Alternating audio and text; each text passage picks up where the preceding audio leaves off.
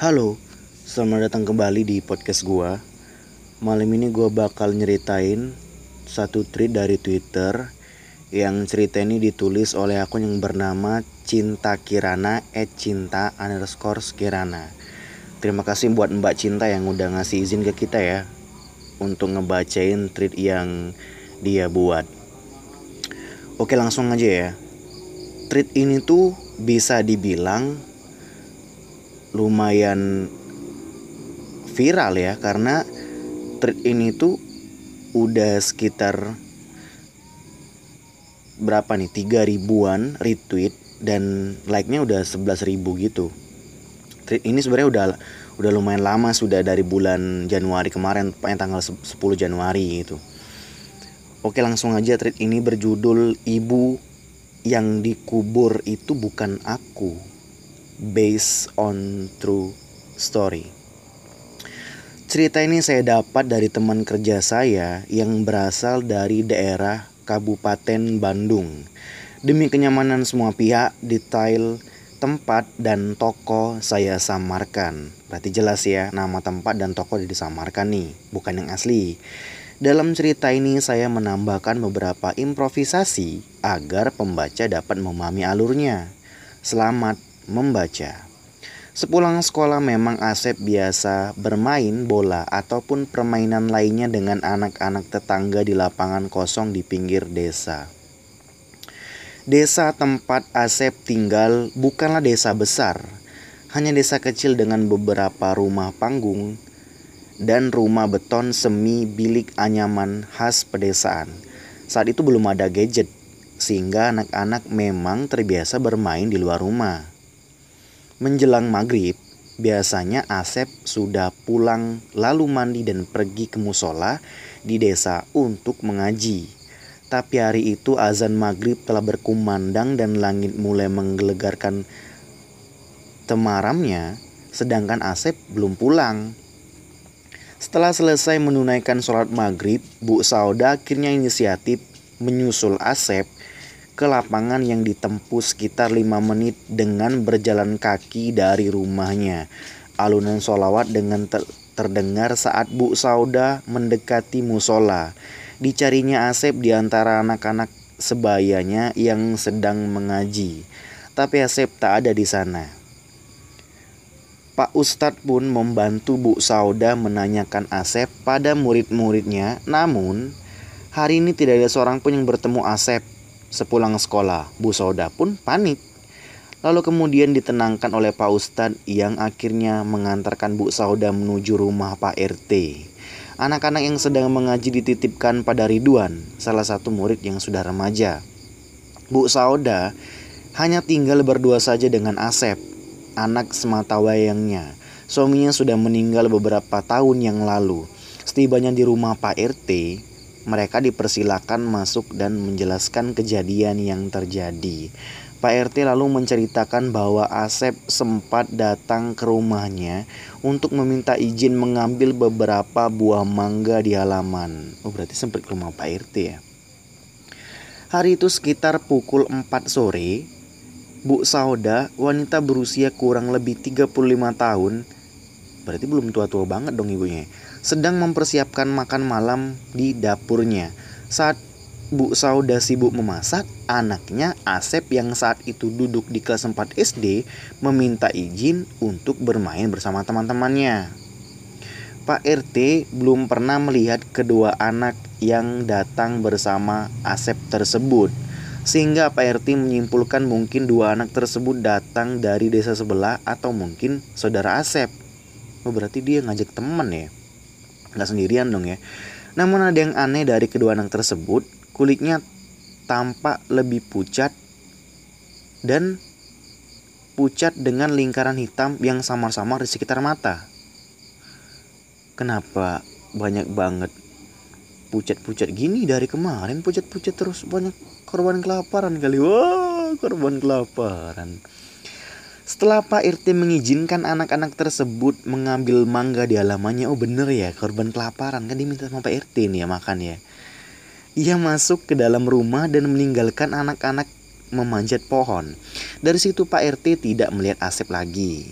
Bu Sauda nampak sangat pucat dan shock mendengarnya. Ia merasakan ada hawa dingin di tengkuknya yang membuat bulu kuduknya merinding.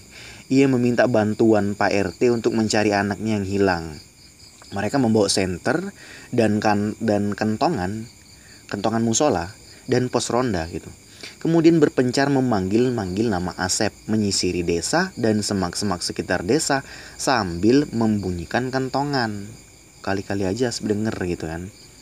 Bu Sauda diperintahkan Pak RT menunggu di rumahnya ditemani dengan Bu RT. Malam semakin larut, Bu Sauda bertambah kalut. Tangannya begitu dingin. Sesekali ia mengusap air matanya yang mengalir begitu saja. Ia tak henti-hentinya berdoa kepada Yang Maha Kuasa agar anaknya bisa kembali dengan selamat. Sekitar pukul satu dini hari, Pak RT dan warga akhirnya memutuskan untuk pulang setelah tidak berhasil menemukan Asep. Bu Sauda yang menangis sesegukan ditenangkan oleh Bu RT. Pencarian akan dilanjutkan besok pagi. Bu Sauda pun pulang ke rumah dalam keadaan pasrah. Malamnya tentu saja oh sorry, malamnya tentu saja Bu Sauda tidak bisa tidur sama sekali. Di benaknya hanya terbayang wajah Asep. Terkadang ada hari di mana anak-anak bermain sampai lewat maghrib dan baru pulang setelah diomeli oleh orang tua mereka. Iya bener ya. Kadang habis maghrib baru pulang gitu. Padahal bahaya kan. Maklumlah kalau lagi seru-serunya bermain bisa sampai lupa waktu. Pagi pun datang beberapa orang membantu Pak RT untuk mencari Asep. Tapi warga yang datang tidak sebanyak tadi malam karena sisanya harus pergi untuk bekerja. Oke. Salah satu warga mengusulkan pada Pak RT untuk mendatangi Mbah Anom. Wah, Mbah Anom ki sopo kira? Dukun apa? Sopo? Yang merupakan orang pintar, wah bener kan? Dari desa sebelah. Untuk membantu proses pencarian, Pak RT pun pergi dengan salah satu warga ke rumah Mbah Anom. Di depan rumah Mbah Anom tampak sedang duduk di kursi bambu yang berada di teras sambil meminum kopi hitam dan cangkir besi loreng khas cangkir tempo dulu. Waduh, apakah Mbah Anom anak indie? Cok. Enggak lah ya, anak indie. Pak RT pun dipersilakan masuk dan mulai menceritakan tentang kejadian hilangnya Asep. Mbak Anom tampak memejamkan mata sambil sesekali mengerutkan kening. Wow, kenapa ya? Merem terus ngerutin kening. Saya butuh rokok. Ngopi nggak ngerokok.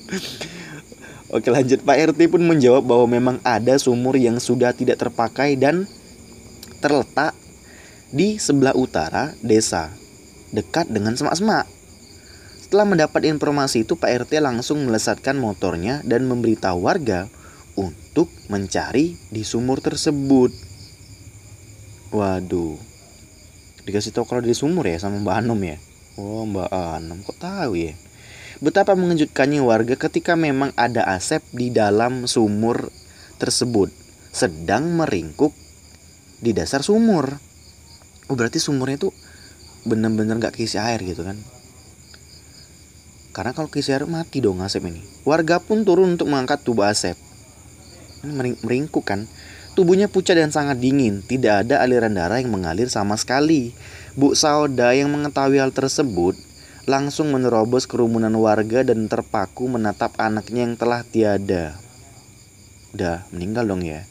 Ia pun menangis dengan histeris sambil memeluk Asep. Warga yang menyaksikan kejadian itu menatap Iba Bu Sauda. Ini gimana ceritanya Asep tiba-tiba masuk ke dalam sumur ya? Siangnya warga membantu Bu Sauda mengurus jenazah Asep dan memakamkannya. Tiba-tiba di lapangan Bu Sauda tidak mendapati seorang pun di sana. Ke mana perginya Asep?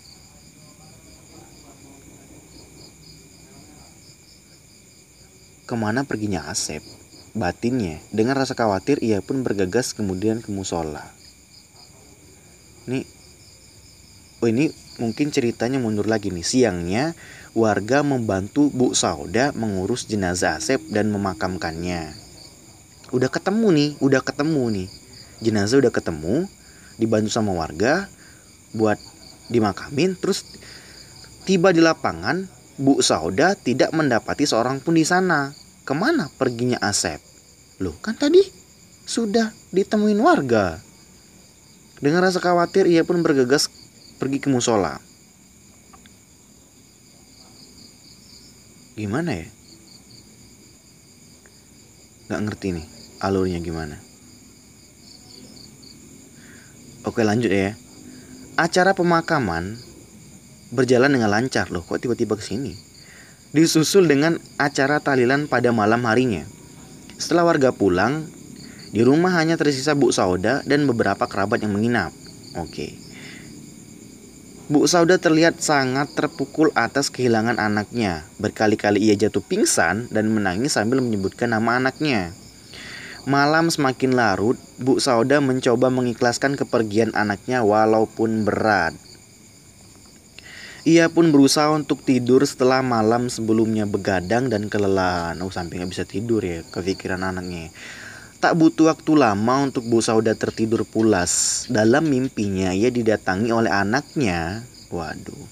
Yang datang mengampiri dengan baju, kaos, dan celana persis seperti yang terakhir dikenakannya. Di mimpinya, Bu Sauda tidak bisa berkata apa-apa. Ia hanya menyaksikan Asep saja, tanpa bisa memeluknya yang sedang ketakutan. Waduh, kenapa nih? Bu Sauda lalu tercekat, terbangun dari tidurnya dengan peluh yang membasahi seluruh tubuhnya, kayak orang tindian gitu ya. Keringetan. Jantungnya berdegup sangat kencang, tangisnya berderai lagi ia beristighfar berkali-kali mengingat kejadian yang baru dimimpikannya. Diliriknya jam di dinding kamarnya. Jam sudah menunjukkan waktu subuh. Ia pun menenangkan diri sejenak dan pergi mengambil air wudhu. Paginya, Bu Soda menceritakan mimpinya semalam. Kerabat yang mendengarkan Bu Sauda menyuruh untuk bersabar. Oh ya mungkin karena bawaan ya pikir kerabat-kerabatnya gitu kan. Bu Sauda pun berpikir mungkin dirinya masih terpukul sehingga bermimpi didatangi oleh anaknya. Oke masih positif thinking lah ya. Di hari kedua dan ketiga masih dengan mimpi yang sama. Loh gitu ya. Anaknya berkali-kali mendatanginya di dalam mimpi dengan ekspresi ketakutan dan berkata, Bu, yang dikubur itu bukan aku. Pak Ustadz Sofian yang menyadari kehadiran Bu Sauda mendekati dan bertanya. Cari siapa bu? Tanya Pak Ustadz. Asep datang ke musola nggak pak? Tanya Bu Sauda dengan suara yang bergetar. Enggak bu, dari tadi Asep nggak ke sini. Kenapa tiba-tiba Bu Sauda nyari Asep ke Pak Ustadz ya? Padahal kan Asep udah, udah jelas-jelas meninggal. Dan kenapa Pak Ustadz menjawab kalau Asep nggak ke sini udah jelas-jelas kan dia udah dikubur. Jadi ini, ini alurnya mundur lagi kayaknya. Merasa mimpinya merupakan suatu firasat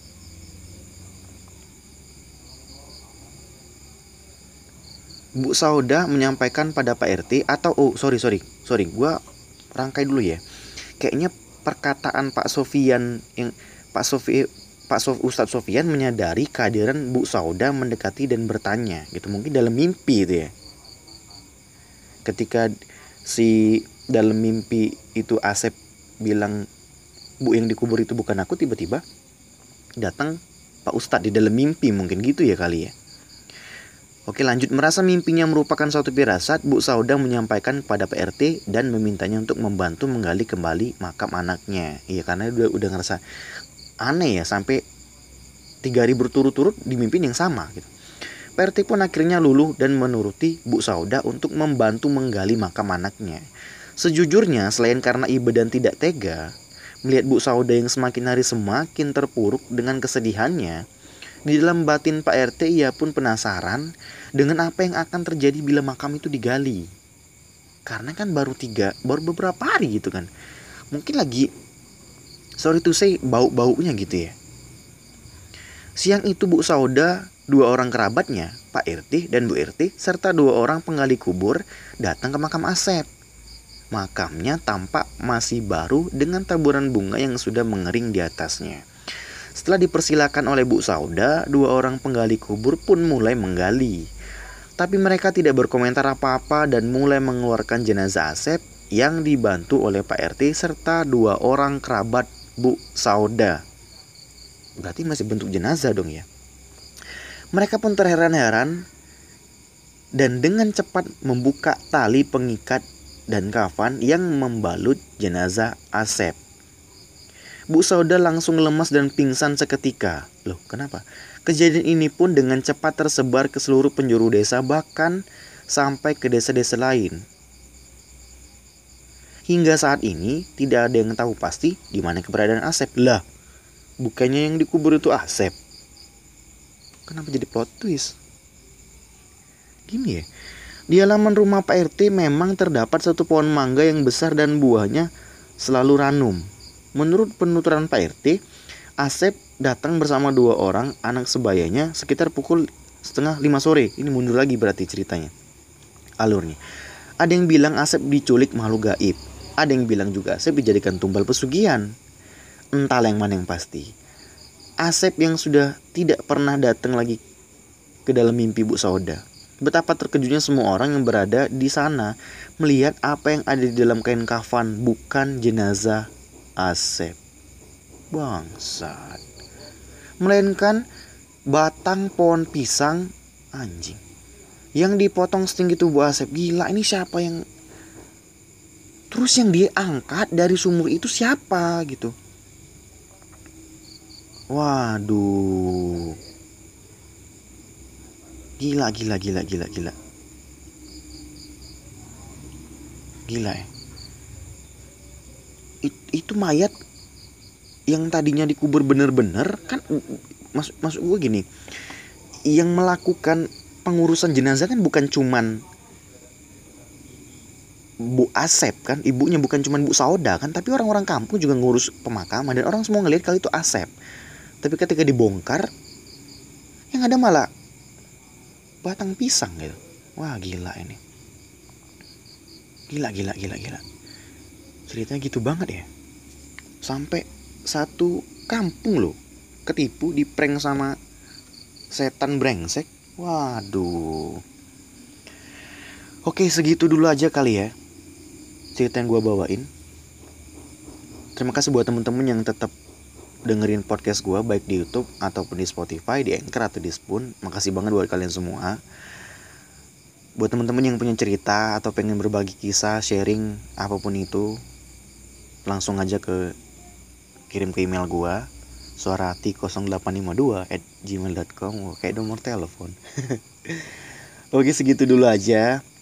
Pokoknya terima kasih lah buat semua semuanya ya. Sampai jumpa di next trip